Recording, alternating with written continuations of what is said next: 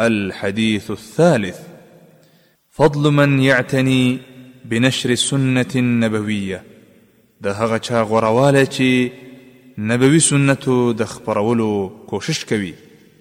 عن عبد الله بن مسعود رضي الله عنه عن النبي صلى الله عليه وسلم قال نظر الله امرئا سمع منا حديثا فبلغه فرب مبلغ احفظ من سامع. د عبدالله بن مسعود رضی الله عنه نه روایت دی فرمائی نبی کریم صلی الله علیه وسلم فرمایلی دی هغه کس دی الله تعالی تر و تازه کړي چې زمونږ حدیث واوري او بیا یې بل ته ورسوي پس ډېر کله ته هغه څوک چې حدیث ور ورسېږي ښه یادونکی وي د هغه چا نه چې حدیث یې اورېدلی وي. دا حدیث امام ابن ماجه په خپل سننو کې ذکر کړی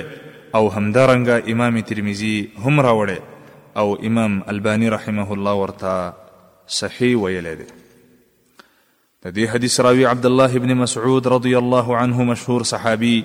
او په صحابه کرامو کې د لوی عالمانو څخه یو لوی عالم او قاري و او د ده مسند په اته سوه اته څلوېښت احادیثو باندې مشتمل دی رسول الله صلی الله علیه وسلم سره په ټولو غزاګانو کې شریک شوی دی او د نبی کریم صلی الله علیه وسلم د وفات نه رستو بیا د یرموک په غزا کې کومه چې په شام کې واقع شوې وه هم شرکت وکړو او بیا عمر رضی الله تعالی عنه کوفې ته د دې لپاره ولېږه چې د کوفې خلکو ته د دین تعلیم ورکړي او د عثمان ابن عفان رضی الله عنه په زمانه د خلافت کې د کوفې امیر مقرر شو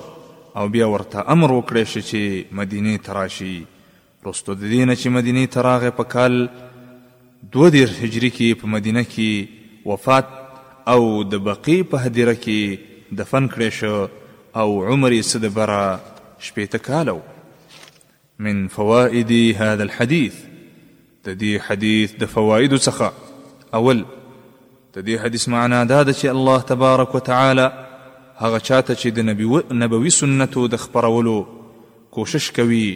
ډیر لوړ مقام ورکوي او په اخرت کې د جنت خوشحالو ته رسوي دوهم په دې حدیث کې رسول الله صلی الله علیه وسلم